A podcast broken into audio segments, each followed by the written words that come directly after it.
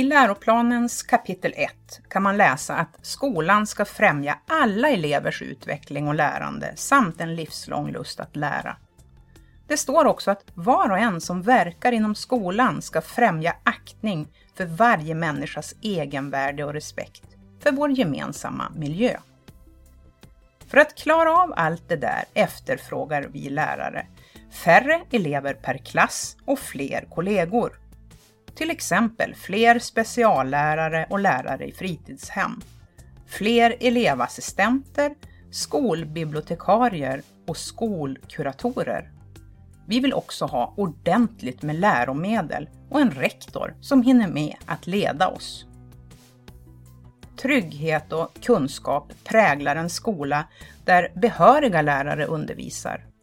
Regeringens nationella plan för ökad trygghet och studiero i skolan hjälper oss inte att ge varje barn utan undantag rätten att få kunskap för att förändra sitt eget och andras liv. Att skapa trygghet och studiero är sällan ett problem om rätt förutsättningar finns på plats. Lugn i skolan får man när resurser sätts in där de bäst behövs. Jag fortsätter att bjuda in till samtal med Olskog. Varmt välkomna! Sen måste vi hjälpas åt. Jag räknar med dig.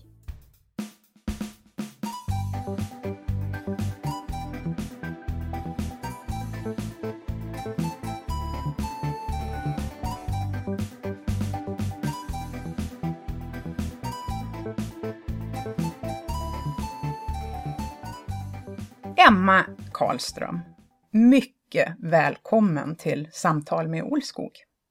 Tack snälla du! Du är F6-lärare och sedan ett år tillbaka är du också förstelärare på din skola. Ja, det stämmer bra.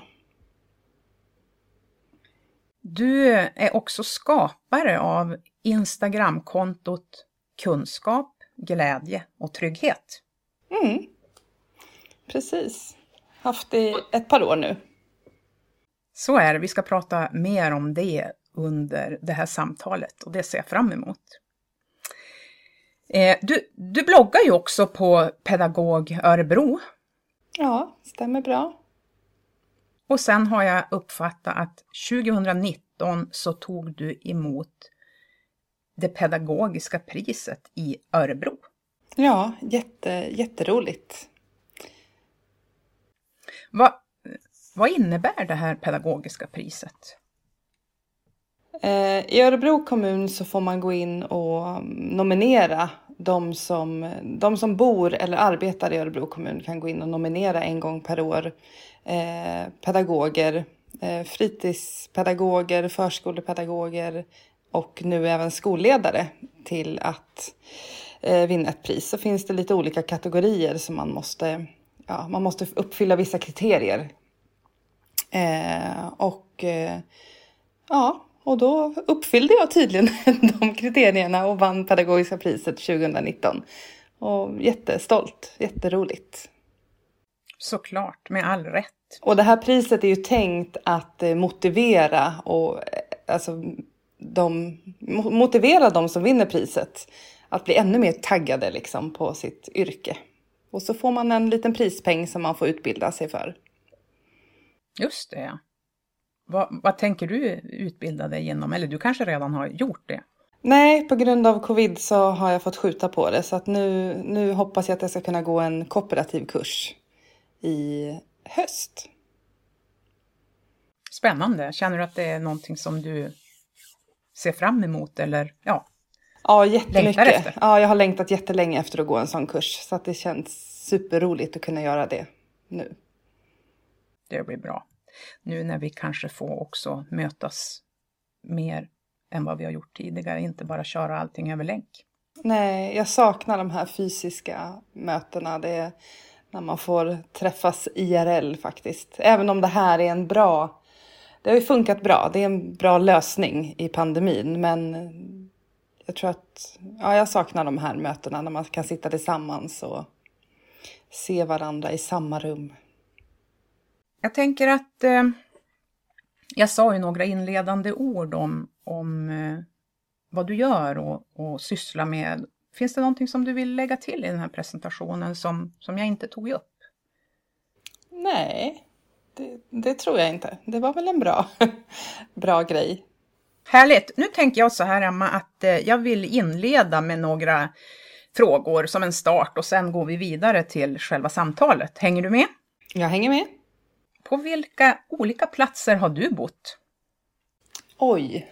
Mm, jag har bott... Eh, jag är född och uppväxt i Stockholm. Bott på Söder, på Åsögatan och gått på Katarina Södra skola.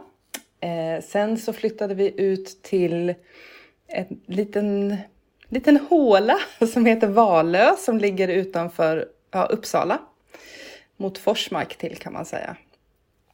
Efter det så har jag bott i Östhammar, inte så långt därifrån. Jag har även bott i Schweiz ett år.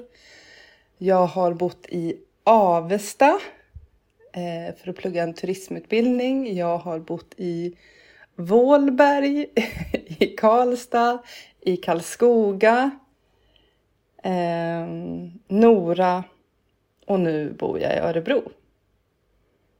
Det var många platser, det hade jag inte räknat med när jag bestämde mig för att ställa den här frågan. Tack för det! Det som jag blir lite nyfiken på, det, det är flera saker, men det jag vill fråga upp om det är eh, det här Schweiz. Vad hände där?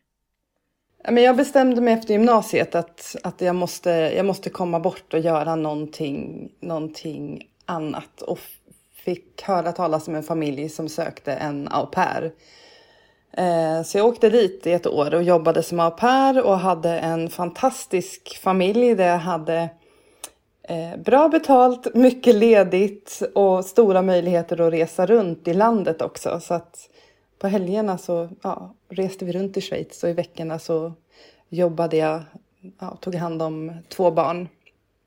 Och sen så lärde jag känna massa eh, nya härliga människor. Så det gjorde jag. Mm. Det lät som en bra start efter gymnasiet. Men du, nästa fråga då. Vad inspirerar dig? I mitt läraryrke så inspirerar det är många olika saker. Jag hittar nog inspiration överallt. Jag hör, ser någonting på tv, jag ser en, eh, en elev som lyckas med någonting och då blir jag ju såklart inspirerad och fortsätta hitta nycklar in till elever. Eh, så det är mest elever och mina kollegor som inspirerar mig på många olika sätt. Men ja, jag kan nog hitta inspiration överallt tror jag. Det var en svår fråga att svara på. Ja, men jag tyckte du klarade av det riktigt bra, Emma. När du ska laga något gott, vad, vad lagar du då?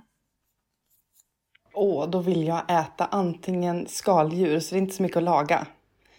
Eller så fixar vi till lite tapas, tycker jag är gott. Ja, det lät gott båda delarna. Så laga mat? Nej, men jag tycker det är inte så roligt att laga mat. Det är nog därför jag gillar skaldjur och tapas, för att det kanske är lite, lite enkelt. Nämn någonting som du ogillar. Och jag ogillar när folk inte gör det de har sagt att de ska göra. Det ogillar jag. Och jag ogillar orättvisor ganska mycket. Mm. Jag ogillar också när man inte har ett barnperspektiv i mitt yrke. Det ogillar jag väldigt mycket. Annars så gillar jag det mesta, tror jag. Tack för det. Eh, nu avslutar jag den här delen som är lite mer att betrakta som en uppvärmning och så går vi in på det verkliga samtalet.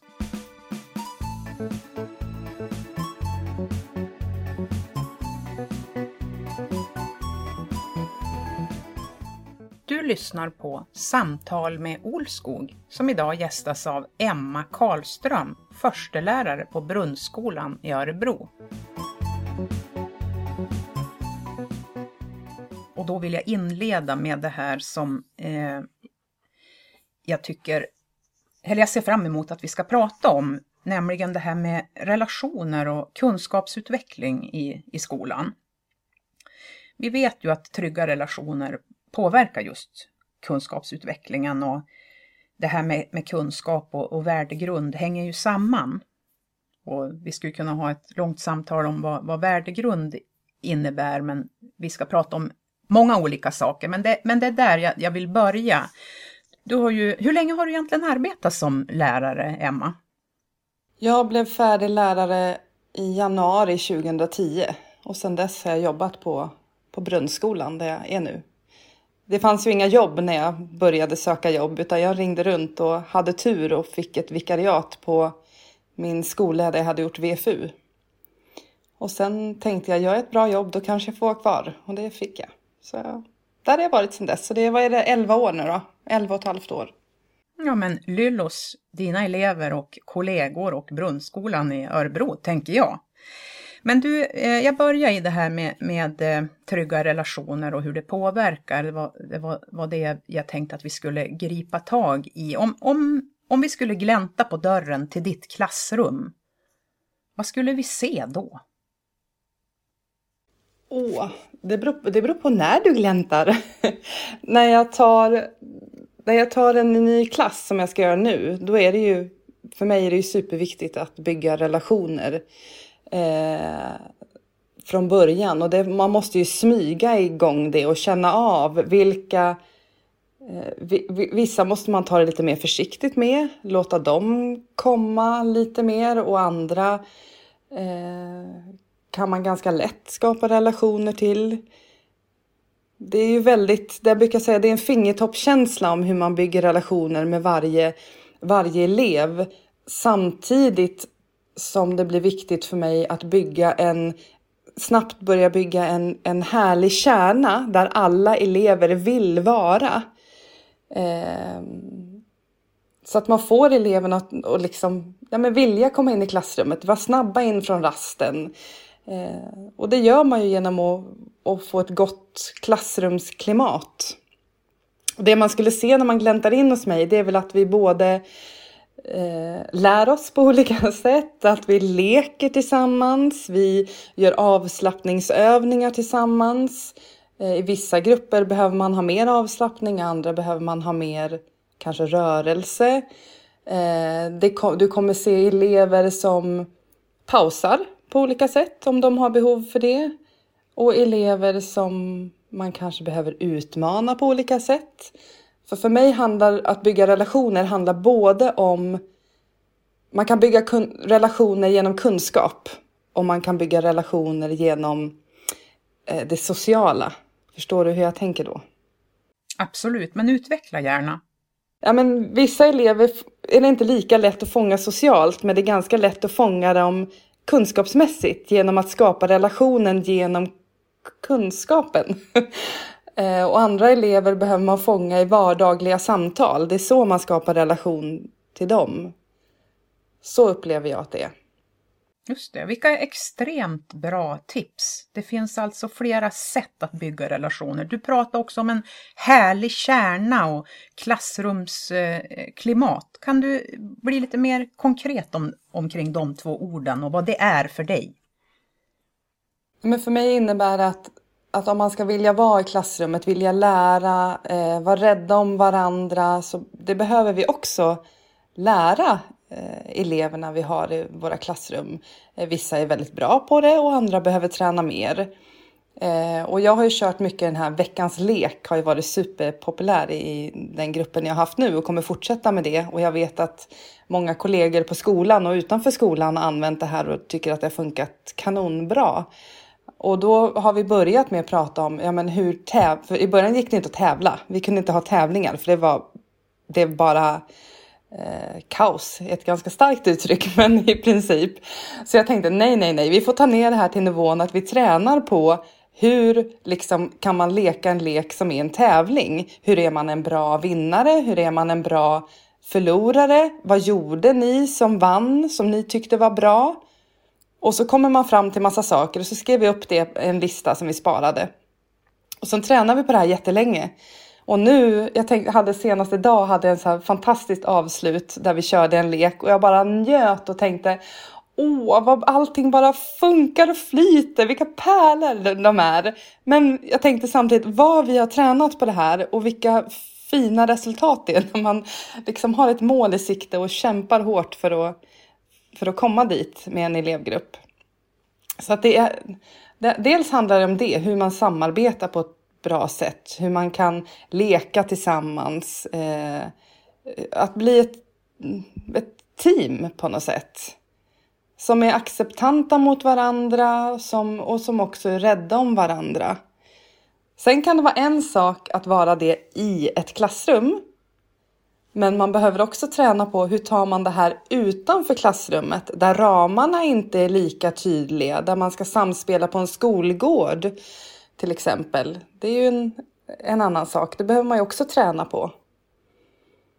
Jag tyckte det var härligt att höra det här du beskriver. Jag vet ju att du har en årskurs tre och att du kan liksom se, skörda nu ert gemensamma arbete och se att det här funkar och det, det är en god stämning här och det är verkligen så här lärarmagi. Man, jag, blir, jag blir berörd själv när du berättar om det. Det kommer inte av sig själv. Det är ju ett jobb och det tränar man och övar på. Jag, jag hörde också i inledningen att du, du sa att du o, ogillade om man inte har barnperspektivet. Jag vill fånga den tråden också. Va, va, vad tänker du när du säger så? Nej, men, vi behöver ju hela tiden tänka, det, det, är, det kanske låter lite klyschigt, men det är ju det här, barn gör ju rätt om de kan. Eh, och det, ibland har man ju i olika elevgrupper. Jag har ju varit med om ganska mycket på de här 11 åren att man har olika elevgrupper, man har olika elever som mår på olika sätt, eh, som har olika svårigheter. Vi möter ganska många olika typer av elever varje dag. Eh, och man behöver ju hela tiden tänka barnets bästa. Inte vad blir bäst för mig som lärare. Eh, ibland hör ju det ihop att om jag mår gott kan jag göra ett gott jobb. Det är inte det jag menar utan det är det här när man, när man tänker på barn som jobbiga. Eller barn som, man, som dumma eller elaka. Det här brukar jag jobba också med med elevgruppen att nej, du, han var inte dum, han gjorde en dum sak. Att skilja på liksom de sakerna är inte lätt för barn, men ibland kan faktiskt inte vuxna heller det. Och det ogillar jag starkt.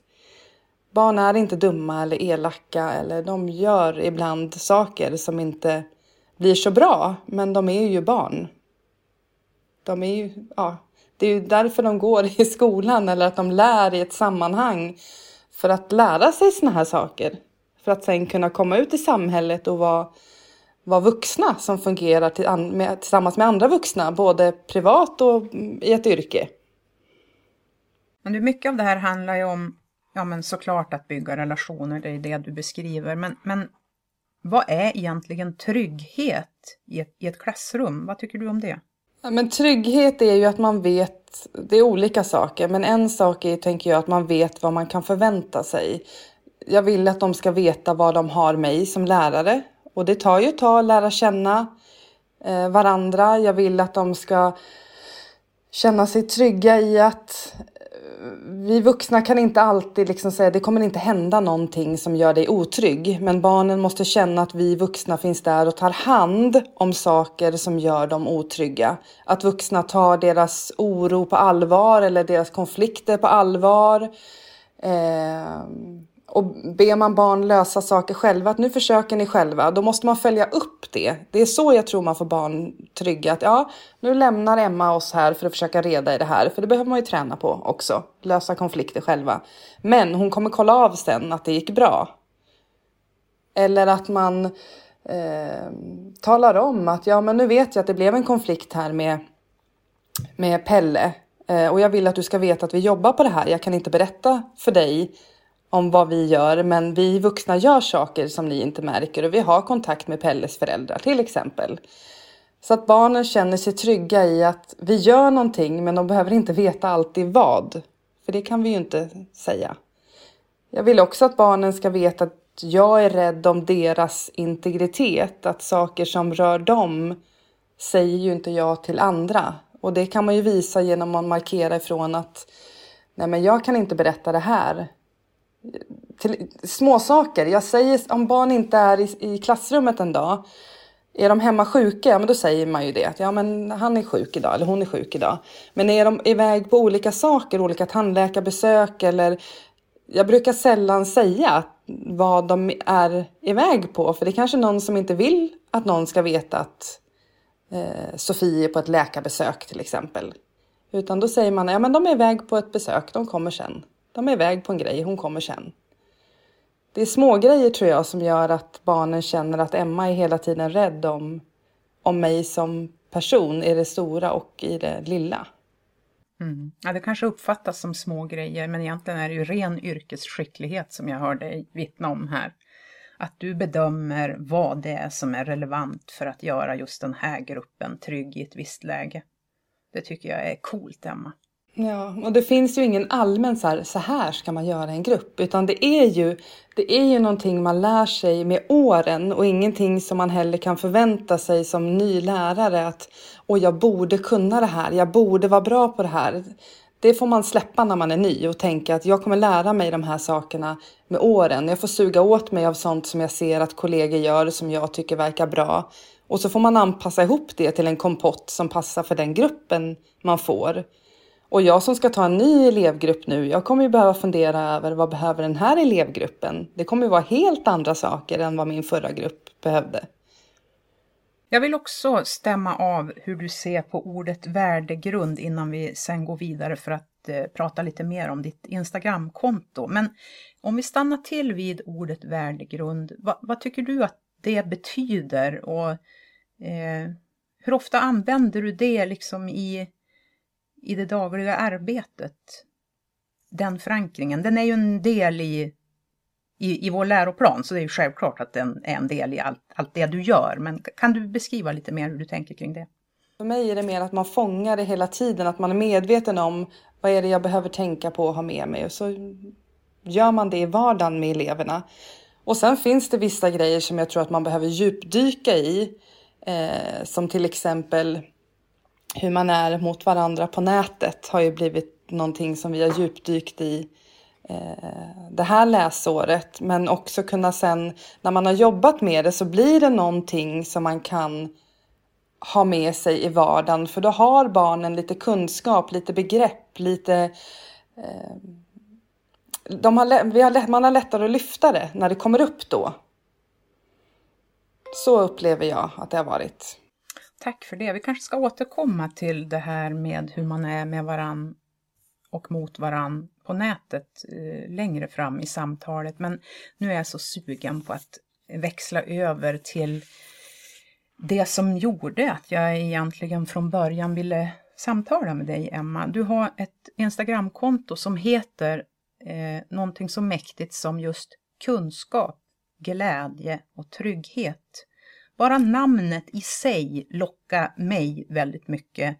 Därför på, i många delar tycker jag att det här är kärnvärdet i det vi jobbar med med våra elever i klassrummet. Och det, det är namnet på ditt konto. Mm. Varför, varför valde du att kalla ditt konto för just det? Våra ledord på Brunnsskolan som vi arbetade fram för ganska många år sedan eh, under en lång tid blev kunskap, glädje, trygghet. Och det är vår vision och den arbetar vi med eh, i början av varje läsårsstart. Så pratar vi med varje elevgrupp vi har. Vad är kunskap för oss? Och det blir olika ettan, tvåan, trean. Vad är glädje för oss? Och vad är trygghet för oss? Och det ger inte föräldrar den insyn som jag skulle önska erbjuda de som vill ha det. Eh, och då tyckte jag att kunskap, glädje, trygghet passade ju bra på ett Instagramkonto också och var någonting som jag kände att det här står jag verkligen för. Tycker det är ett jättebra namn. Mm, det verkar vara väldigt många där ute som också gillar ditt konto, för du har många följare. Hur många, hur många följare har du egentligen just nu? Snart 18 000. Det är ju många och jag, jag gissar nu och eh, tänker att det är mestadels lärare. Va, vad tänker du kring min gissning där? Jo, det är mestadels lärare. Det är nog lite kuratorer, skolpsykologer, föräldrar. mormödrar. eh, som, ja, absolut. De som är intresserade av skola. Ja. Men jag sa ju nyss till dig att eh, jag tyckte det var spännande namn, men det var inte bara namnet som eh, fångade mig, utan jag, jag har också eh, tänkt på just den här otroligt generösa kulturen som du är en del av, Emma. Att, att dela med sig av både smått och stort eh, med regelbundenhet. Alltså det är ju eh, eh, ska man kanske säga en guldgruva för oss lärare att inspireras av till exempel dig och det finns många andra som också har stora konton med, med skolinriktning. Men, men jag tänker så här, det, det är vad jag tänker när jag, när jag ja, flippar förbi ditt konto, att wow, vad hon är generös! Eh, hur ser du på den här, ska man kalla det för delakulturen eller ja, jag vet inte vad du, vad du skulle använda för ord på det här. Jo, men det är väl ett bra ord, tänker jag. Nej, men det... Jag vet, det är svårt att sätta ord på, på det. Nu har jag gjort det så länge så det är en van, vanesak. Jag bara får lite inspiration så tänker jag men det här, det här är säkert någon som kanske kan ha nytta av eller tycker det är, är spännande att få. Och jag har ju förstått att många tycker att det är roligt att få en insyn i det vardagliga arbetet. Eh, att jag lägger ju ofta upp så här, det här har vi gjort idag och så lite, lite bilder. Eh, för att jag tror att ibland när, när hjärnan är trött och man ska sitta där och planera själv så är det har man scrollat igenom lite inlägg och sparat lite inlägg. Jag har ju mattemappar där jag har sparat andra kollegors, Instagram-kollegors inlägg. Jag har en bildmapp, jag har en svenska mapp och då kan jag scrolla i den. Ja men just det, det här inlägget sparade jag ju för ett år sedan. Det var ju, det var ju spännande nu när vi ska jobba myter till exempel. Om jag, ja. Eller i matte, ja men just det, det här var ju ett bra sätt att jobba med likhetstecknet. Det, det, ska, jag, eh, det ska jag nog köra med mina elever. Och så tror jag andra gör också. Att man, och jag har försökt tipsa om det på Instagram-sidan också. Att spara inlägg och gör mappar så hittar man snabbt tillbaka till såna här gamla inlägg man har sparat. Så jag tror att det är en guldgruva för att vi kan hjälpa varandra att orka lite till i en ganska ibland stressig lärarvardag. Eh, sen så tror jag inte att den här dela-kulturen skulle vara lika stor och lika viktig om vi hade tillräckligt med läromedel. Faktiskt.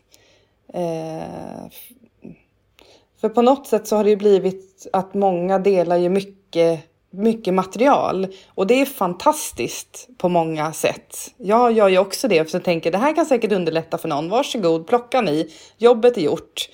Eh, och så, men samtidigt så tänker jag att det finns en fara i det här också. Eh, alla får väl ta ansvar för sig, så är det ju. Men jag kan ju, jag kan ju bara, när jag ibland funderar, tänka att det finns en fara i att man, att man delar med sig av så mycket som, och det är inte läromedelsgranskat. Eh, orkar man som lärare fundera på var, varför ska jag ha det här? Eller tar man ett material för att det ser roligt ut och använder det istället för att gå den vägen jag tycker man ska gå? Att vad ska jag lära ut? Vad ska barnen kunna? Jo, det här. Och sen så funderar man på hur ska jag få barnen att nå det här målet eller hur ska jag jobba med det här centrala innehållet? Så det, det finns ju lite, lite faror också. Inte bara positiva saker. Mm. Jag hör dig att du manar till eftertänksamhet och källkritiskt förhållningssätt. Är det rätt uppfattat? Ja, och samtidigt vill inte jag komma med några pekpinnar. Jag tänker att vi är alla vuxna människor där ute och jag, för, jag förväntar mig väl nästan att alla gör det. Men jag tror att ibland, eh, ibland, speciellt det här året när våra lärarhjärnor säkert har varit lite extra stressade så det är nog lätt att bara falla in i, ja men det här, var, det här kör vi, det här blir bra. Nu, ja, för att man har så lite tid till planering tror jag. För att den planeringstiden går åt, har gått åt till så otroligt mycket annat det här covid-året. Jag tror att det finns de som håller med mig i det. Mm, absolut. Jag hör också dig säga att eh, det här är ett komplement och att ja. det följer ett ansvar med att faktiskt vara en av dina följare. Ja, ja och det försöker jag gå ut och skriva. Att jag vill verkligen att, att man tänker efter också. Att jag är ingen läromedelsproducent. Liksom, det är ingen som har granskat mitt. Det kan finnas fel i det. Jag är ingen fullkomlig NO-lärare. Så det kanske har blivit något fel i det jag har gjort. Att titta på det jag delar med kritiska ögon. Och det, det tror jag att folk gör. Jag hoppas att man gör det. Men ibland, ibland får jag påminna mig själv om att göra det. Med saker jag själv lånar så. Jag förundras i alla fall av din enorma generositet och det tror jag att många andra också gör med tanke på din stora följarskara. Men jag tänker Emma, vad ger det här dig egentligen? Alltså jag, jag, ja, men det ger, jag tänker att jag tänker nog så här att jag hittar så mycket inspiration och så mycket jag har så många fina kollegor där ute som jag har kontakt med, som jag kan ställa frågor till, som, som tar mig utanför min kommun, där jag kan vara nyfiken och få svar på saker eh, utanför min skola, min kommun. Så. Eh, och jag har, har ingen emot att ge tillbaka. Jag tycker, att det, jag tycker att det är kul att dela med mig. Jag har alltid, har väl alltid gjort det. Så, så att jag, det ger mig väl tillbaka, jag tänker att jag ger tillbaka från, för det som jag får.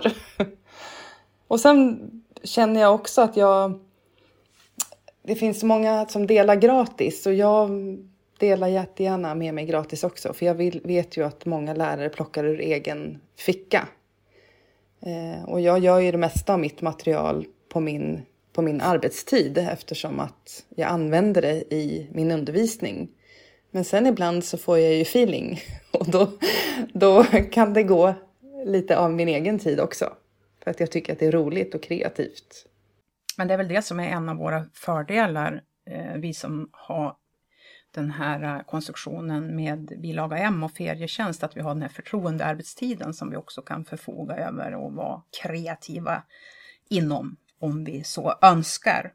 Men du, jag hör att du också säger att eh, eh, vi, vi, saknar planeringstid och vi, vi saknar läromedel och det här är ett sätt att, att liksom eh, handskas med det. Det är jättehärligt med den här generositeten som, som, som jag ser att, att du och andra har. Men det står också i din profil och det, det reagerade jag på. Det står så här att du gör inga samarbeten. Kan du förklara vad, varför du har skrivit det i din profil och vad det innebär egentligen? Nej, men det, det, står nog att jag gör inga betalda reklamsamarbeten eller någonting sånt. Och jag tror att när man skapar ett sånt här konto så behöver man, behöver man känna eh, att ja, men jag, kan stå, jag kan stå för det, det som jag gör på mitt konto.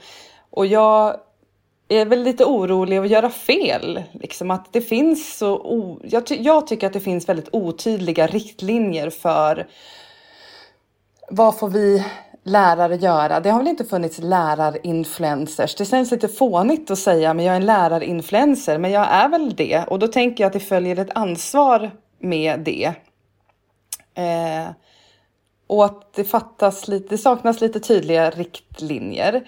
Eh, och sen så tänker jag att det är när jag följer de debattartiklar som har varit så är det också svårt att säga, ja men de här grejerna skulle det kunna vara okej okay för en lärare att göra reklam för, men de här grejerna, ja då strider det lite mot vad jag får göra i min yrkesroll. Och jag känner att jag har, jag har så mycket annat att göra än att hamna i de, i de fällorna. Att jag, jag vill inte behöva gå och fundera över de sakerna. Jag har inte mitt Instagramkonto för att eh, jag vill ha ett extra knäck eller jag har inte mitt Instagramkonto för att tjäna pengar på, eh, på läromedel. Eh, för det, det känns för krångligt för mig. Det känns som att det är ytterligare en nivå, ytterligare en sak som jag inte känner att jag vill hålla ordning på. Så att jag känner mig trygg i det här och jag det är klart att jag har gjort några bokrecensioner och, och fått några böcker. Det är, det är svårt vad, vad är vad och vart går gränsen för vad man får, får ta emot. Men jag har valt att jag inte vill göra det. Sen delar jag jättegärna med mig liksom av, eh, av tips eller av sånt som jag tycker har varit bra. Men då ligger det ingen gåva i bakgrunden eller ett reklamsamarbete i bakgrunden.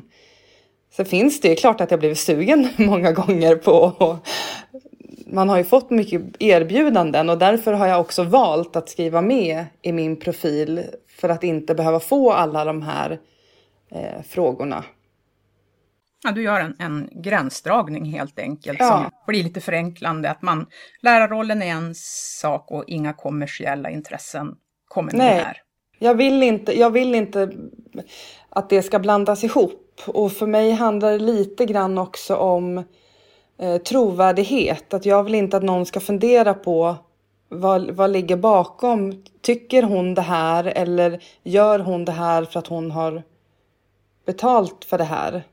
Sen tror jag att det skulle vara skillnad om jag själv till exempel var med och skrev ett läromedel. Där skulle jag nog behöva fundera ett varv till liksom på Ja, men det skulle jag nog kunna tänka mig kanske att göra reklam för om jag, om jag fick det. Men var väldigt tydlig med att det här är reklam för ett läromedel som jag har varit med och skrivit. Precis så som man behöver vara när man gör reklam på sociala medier. Eh, men där skulle jag nog kunna tänka mig kanske att frångå det. För då är det ett samarbete med mig själv på något vis. Mm. Ja, jag förstår. Nej, men det var ju också en sån här Instagram-influencer med läraranknytning som fick kritik av yrkesetiska rådet. Han anklagades ju för att urholka förtroendet för hela kåren och ja, det var ju no eh, reklam som det var frågan om. Så att jag, jag förstår att du har övervägt det här och tänkt igenom det och vilken fot ska jag stå på. Men om du skulle tipsa andra lärare till att eh, göra samma sak som, som du nu gör, ha ett, ett konto med inriktning mot att dela och vara generös. Va, vad skulle du ge en sån lärare för tips? Ja, men dels skulle jag väl be, be dem att läsa på. Vad får man göra? Vad får man inte göra? Vad är en bisyssla? Måste man eh, anmäla bisyssla eller inte? Eh, men också tänka efter eh, vad, hur mycket tid vill jag lägga på det här? För att ibland tror jag att ja, men många tänker gud vad hon undrar hur mycket tid hon lägger. Hur orkar hon? Hur hinner hon allt? Men i mitt fall finns det nog olika. Dels är jag otroligt effektiv. Eh, det går fort. Mina kollegor kan intyga. Det går, det går fort. Har jag väl kommit på en sak jag ska göra, då går det fort. Eh, så att den här tiden jag lägger på mitt Instagramkonto är inte så stor tid. Och ibland har jag en timme i bilen och massa inspiration. Då kanske jag gör två inlägg som jag delar senare under veckan. Eh, när jag inte, ja, för jag kan inte dela tre inlägg på raken liksom. och jag kanske har jättemycket inspiration. Då kanske jag sparar två. Och så delar jag det senare. Så då kanske jag inte gör någonting förutom att dela det inlägget på en vecka.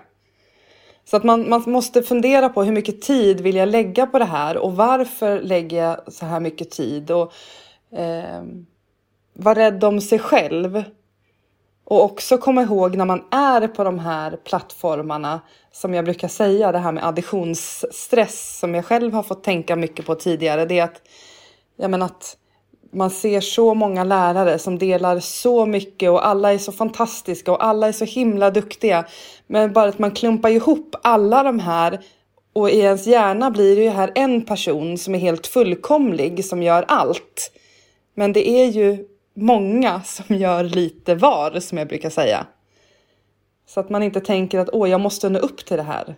För jag skulle inte klara av att göra allt som alla andra gör. Tack för det. Men du, eh, jag tänker att eh, vi har pratat igenom flera olika delar kring det här med eh, att ha ett Instagramkonto och vad det innebär för dig och nu har du delat med dig ett tips också.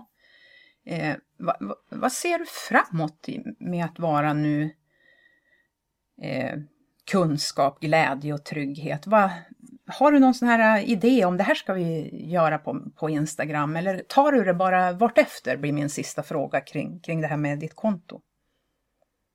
Nej men jag tar det nog bara vartefter. Och det gör jag. Och det som, jag spinner ju vidare på det också det, det, det jag får tillbaka där. Jag får ju så mycket meddelanden och kommentarer och Nej, men bara ett sånt här meddelande som när jag hade skrivit om mattestationer. Jag brukar lyfta det ibland för jag tycker att stationsarbete i klassrummen är så himla... Åh, det är så himla bra för elever som har svårt med uthålligheten. Eh, och jag har ju skrivit något blogginlägg om det och så fick jag ett meddelande här för inte så länge sedan om en tjej som hade gjort det här i, i en grupp där hon hade många elever som hade väldigt lite uthållighet och, hon tyckte att det var helt fantastiskt. Och de hade jobbat på i 40 minuter och hade aldrig hänt tidigare. Och då tänker jag att åh, jag är ju... Kan jag ge till, till fler? Kan, att det bara blir fler elever som får nytta av det som jag är bra på så är det helt fantastiskt. Då kan ju vara liksom... Ja, men det känns som att jag gör nytta för fler än bara mina elever. Jag kan ju inte ha mer än en klass åt gången. Och jag har ju ändå jobbat i 11 år. Då är det väl dags att kanske dela med sig av den kunskapen. Så känns det. Jag hade varit du... så tacksam om jag var ny lärare och hade kunnat hitta den här inspirationen då för 11 år sedan. Jag hade varit så, så tacksam. Man är, det är svårt i början. Ja, det är det verkligen. Eh, vi är ju många som behöver hjälpas åt och arbetskamrater spelar roll och idag spelar vi roll för varandra på andra ställen än bara på, i själva skolbyggnaden. Mm. Men du, eh, du bloggar ju också och eh, ja, jag läste lite grann om alla möjliga saker som du har bloggat om. Men det som jag vill prata med dig om här, det är just det här med det vi var inne på, hur man är mot varandra på nätet och sociala medier. Eh, du, du arbetar ju på lågstadiet och, och jobbar med sådana här svåra frågor som integritet, både kroppslig och verbal. Och det handlar om samtycke. Du har skrivit om bra och dåliga hemligheter som du kallar det för. Och eh, är allt på nätet sant, säger att du problematiserar om. Även källkritik. Ja men taskiga kommentarer, skam och skuld ser jag också att du skriver om. Eh, det är ju extremt viktiga frågor för eh, ja, men barn och unga idag som lever större delen av sitt liv faktiskt på internet på ett helt annat sätt än vad till exempel jag och kanske också du har gjort. Kan du beskriva lite grann, dels hur du jobbar med det, men, men också eh, svårigheten det är att, att ta upp det här med, med, med ganska unga elever. Hur, hur, gör du, hur får du till det arbetet, Emma? Jag brukar säga att relationer är ju grunden. Att jobba med sådana här frågor utan relation till eleverna är ju inte att rekommendera tycker jag. Utan man behöver, man behöver ha koll på sin elevgrupp. Eh, och känna till att vart kan det bli känsligt någonstans? Är det någonting jag behöver tänka extra på? Så jag tänker att det är ju grunden. Utöver det så, så tycker jag att barn eh, blir ju så engagerade vid frågor som är så nära dem, som rör verkligen verkligen rör dem och deras vardag.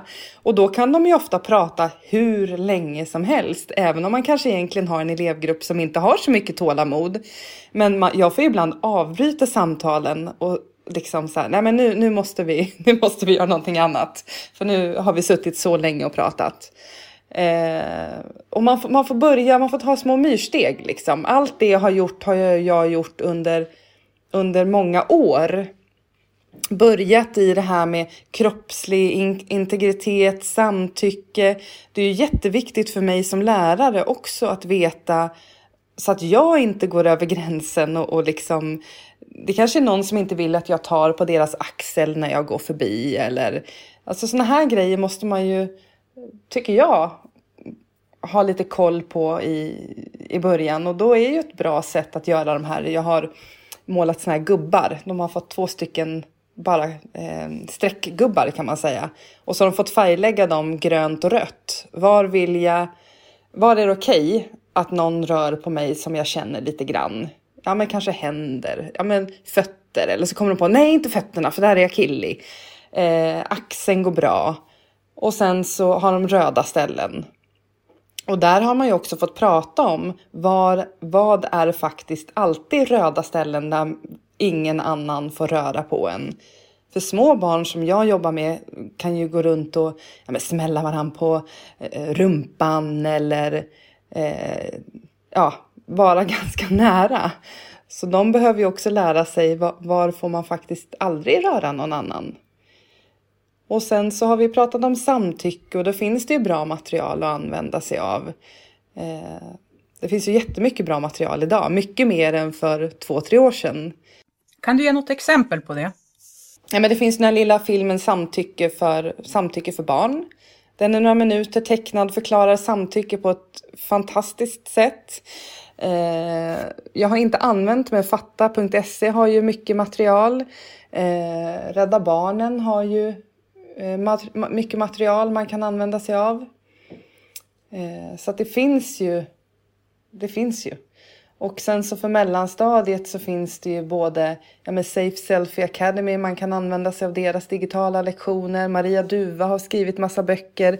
Så det gäller ju kanske som lärare att suga åt sig av kunskap först. Vad, vad behöver barn idag? För det har gått så fort med den här eh, eller det har väl inte gått så fort, det är vi som är sena på bollen brukar jag säga, men det, det har ju ändå gått relativt fort, så är det ju med hur det har förändrats med hur barn är på nätet väldigt tidigt och det händer allvarliga saker väldigt tidigt. Och börjar man inte i den, i den fysiska världen prata om integritet, samtycke, då är det svårt sen att börja prata om det på, på nätet i den digitala världen. För för dem är det ju, sam, det är ju samma sak. Det är ju inte en, en digital värld och en fysisk värld. Det är ju deras vardag på något vis. Men ibland är vardagen IRL och ibland är vardagen digital. Det är ju extremt viktiga frågor och det är absolut en fråga för oss i skolan och lärare att arbeta med våra elever. Men jag såg i morse, idag är det den 8 juni när vi spelar in den här podden 2021. Då såg jag att Ida Östensson var på Nyhetsmorgon för att prata om just samtycke och eh, ja, hon är ju grundare av Make Equal om jag är rätt informerad. Och det, det, är så bra när de här frågorna tas upp i så många olika sammanhang så att det blir eh, ja, men levande frågor för alla, även människorna utanför skolans värld. Ja. Men för att återgå till, till, till ditt, eh, eh dina tips.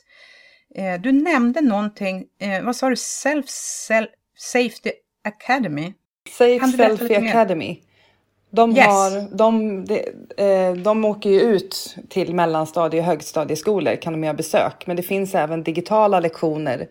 Eh, och de har jag faktiskt varit med och skrivit så jag vet att de är väldigt bra. Och då finns det videofilmer och så finns det frågor att diskutera. Och så kan man jobba med det på olika sätt i klasser. Eh, det finns ju alltså både då en del för mellanstadiet och en del för högstadiet. För det, man får ta upp lite olika frågor då. då. Så det kan man ju använda sig av gratis.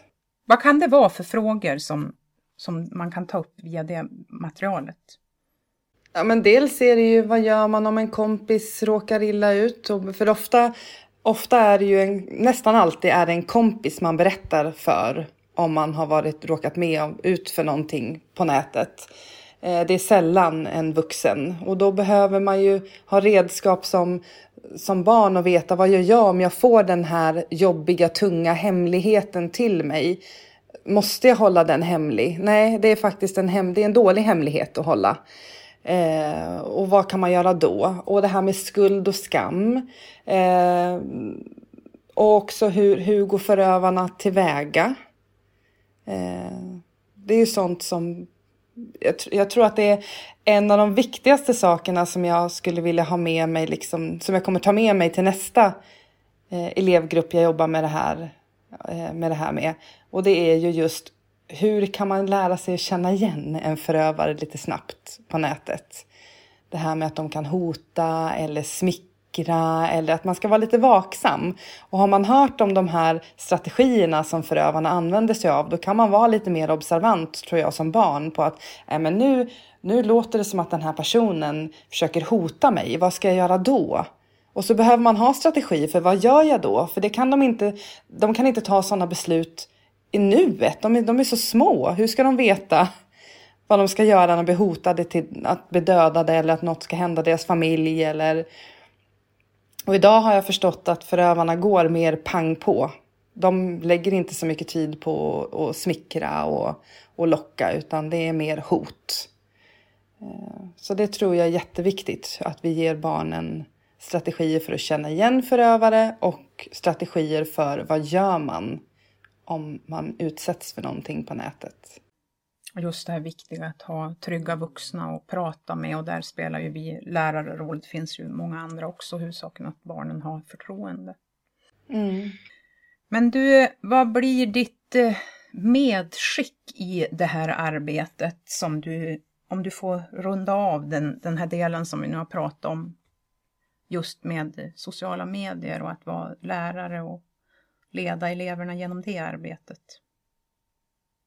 Men dels är det läs på själv. Det finns mycket gratisföreläsningar, det finns litteratur. Försök trycka på liksom eh, arbetsplatsen eller till och med kommunen att ha en föreläsning för eh, kommunens lärare eh, så att man får lite påfyllning. För det här är ju svåra frågor som man, man behöver verkligen ha lite kunskap själv för att kunna ta tag i tillsammans med eleverna. Och sen tänker jag också en superviktig sak, det är ju att involvera föräldrarna. Det här är ju liksom, det, det, är ju någonting vi måste göra tillsammans. Har vi inte föräldrarna med oss i det här så blir det ju väldigt, väldigt svårt. Man kanske kan ha ett föräldramöte med ett tema som handlar om det här. Man kanske kan ge, erbjuda föräldrarna, vårdnadshavarna föreläsning. Eh, eleverna kanske kan hjälpa till och utbilda sina vårdnadshavare lite kring de här frågorna. Det finns ju massa olika saker man kan göra.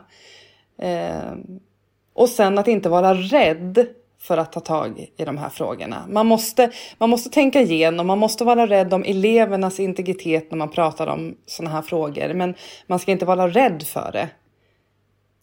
Blir det fel, då får man ju ta, ta hand om det. Men det är, för eleverna är det viktigt. Jag hör ju hur mycket de säger till mig att de har uppskattat det här arbetet och hur, hur jobbigt de kan tycka det är med vissa av de här frågorna för att de inte vet hur de ska hantera det.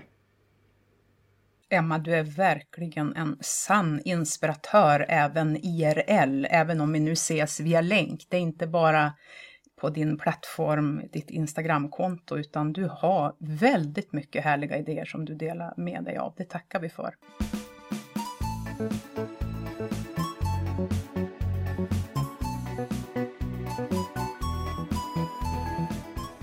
Du lyssnar på Samtal med Olskog som idag gästas av Emma Karlström, förstelärare på Brunnskolan i Örebro. Ja, men eh, jag tänker att vi har hunnit prata igenom flera av eh, de frågor som jag var nyfiken på att eh, lyfta med dig. Och vi har kommit till den programpunkt som jag brukar ha som en av de sista i de här samtalen. Och det är den punkt som jag kallar för klassens fråga. Mycket spännande. Ja, det är, det, det, det är ju så att jag eh, undervisar ju i en femma och eh, den här gången så är det en elev som har skickat med en fråga som lyder så här. Vad är det bästa sättet att hitta motivation till att lära sig mer? undrar den här eleven. De visste ju att det var en lärare jag skulle träffa den här gången. Åh, vilken fråga den bästa... Oh, tänk om det bara fanns ett, så här, ett enkelt svar. Men jag tror att man, man måste hitta... Mena, mena som mig som lärare, alltså hur jag ska lära eleverna att hitta motivation. Jag, jag, jag tänker när jag läser den här frågan att det bästa sättet för eleven att hitta motivation till att lära sig mer. Så, så tänker jag. Hur tänker du? Ja, men är, man, är man lite äldre som man kanske går i mellanstadiet och högstadiet, då kanske man får, får, får fundera på vad kan jag ha? Även om det är någonting som är tråkigt så kanske man får tänka att jag kanske behöver ha det här någon gång i framtiden. Eller kan jag göra det här lite spännande? Någon kanske ber en skriva en, en berättelse om man inte alls är sugen, men man kanske får fundera på Kan jag ha en mottagare? Kan jag få ta med den här hem? Och sen så tänker jag ju också att det är, det är vårat jobb som lärare att hjälpa eleverna att hitta motivation. Att hitta de här nycklarna som gör att de känner sig motiverade.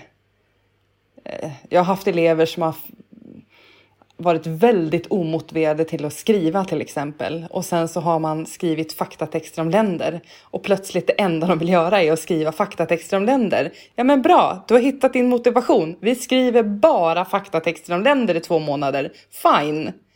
Alltså att, ja. Att det, man, man, får, man får försöka hitta motivationer i lilla. Allt kan inte vara kul jämt heller. Det måste man ju få med sig.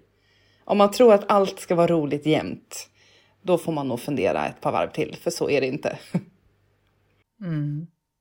Jag tänker på återigen ditt, ditt eh, namn där, kunskap, glädje och trygghet. Det, det ger en viss tyngd när du säger att allt är faktiskt inte roligt och då får man hitta andra saker som motiverar. Jag ska ta med mig ditt svar, Emma, till mina elever och så ska vi prata vidare om hur de ser på svaret på den här frågan. Det finns säkert mycket att hämta där. Ja, man får försöka hitta motivation i det lilla får du hälsa. det ska jag göra. Tack för det. Finns det någonting som du vill lyfta in eller ta upp innan vi rundar av det här samtalet? Nej, jag tror inte det. Det har varit jätte, ett jättespännande timme tillsammans med dig. Tack detsamma. Då tänker jag att vi säger att det var allt för nu. Tack för att jag fick vara med. Tack. Då sätter vi punkt här.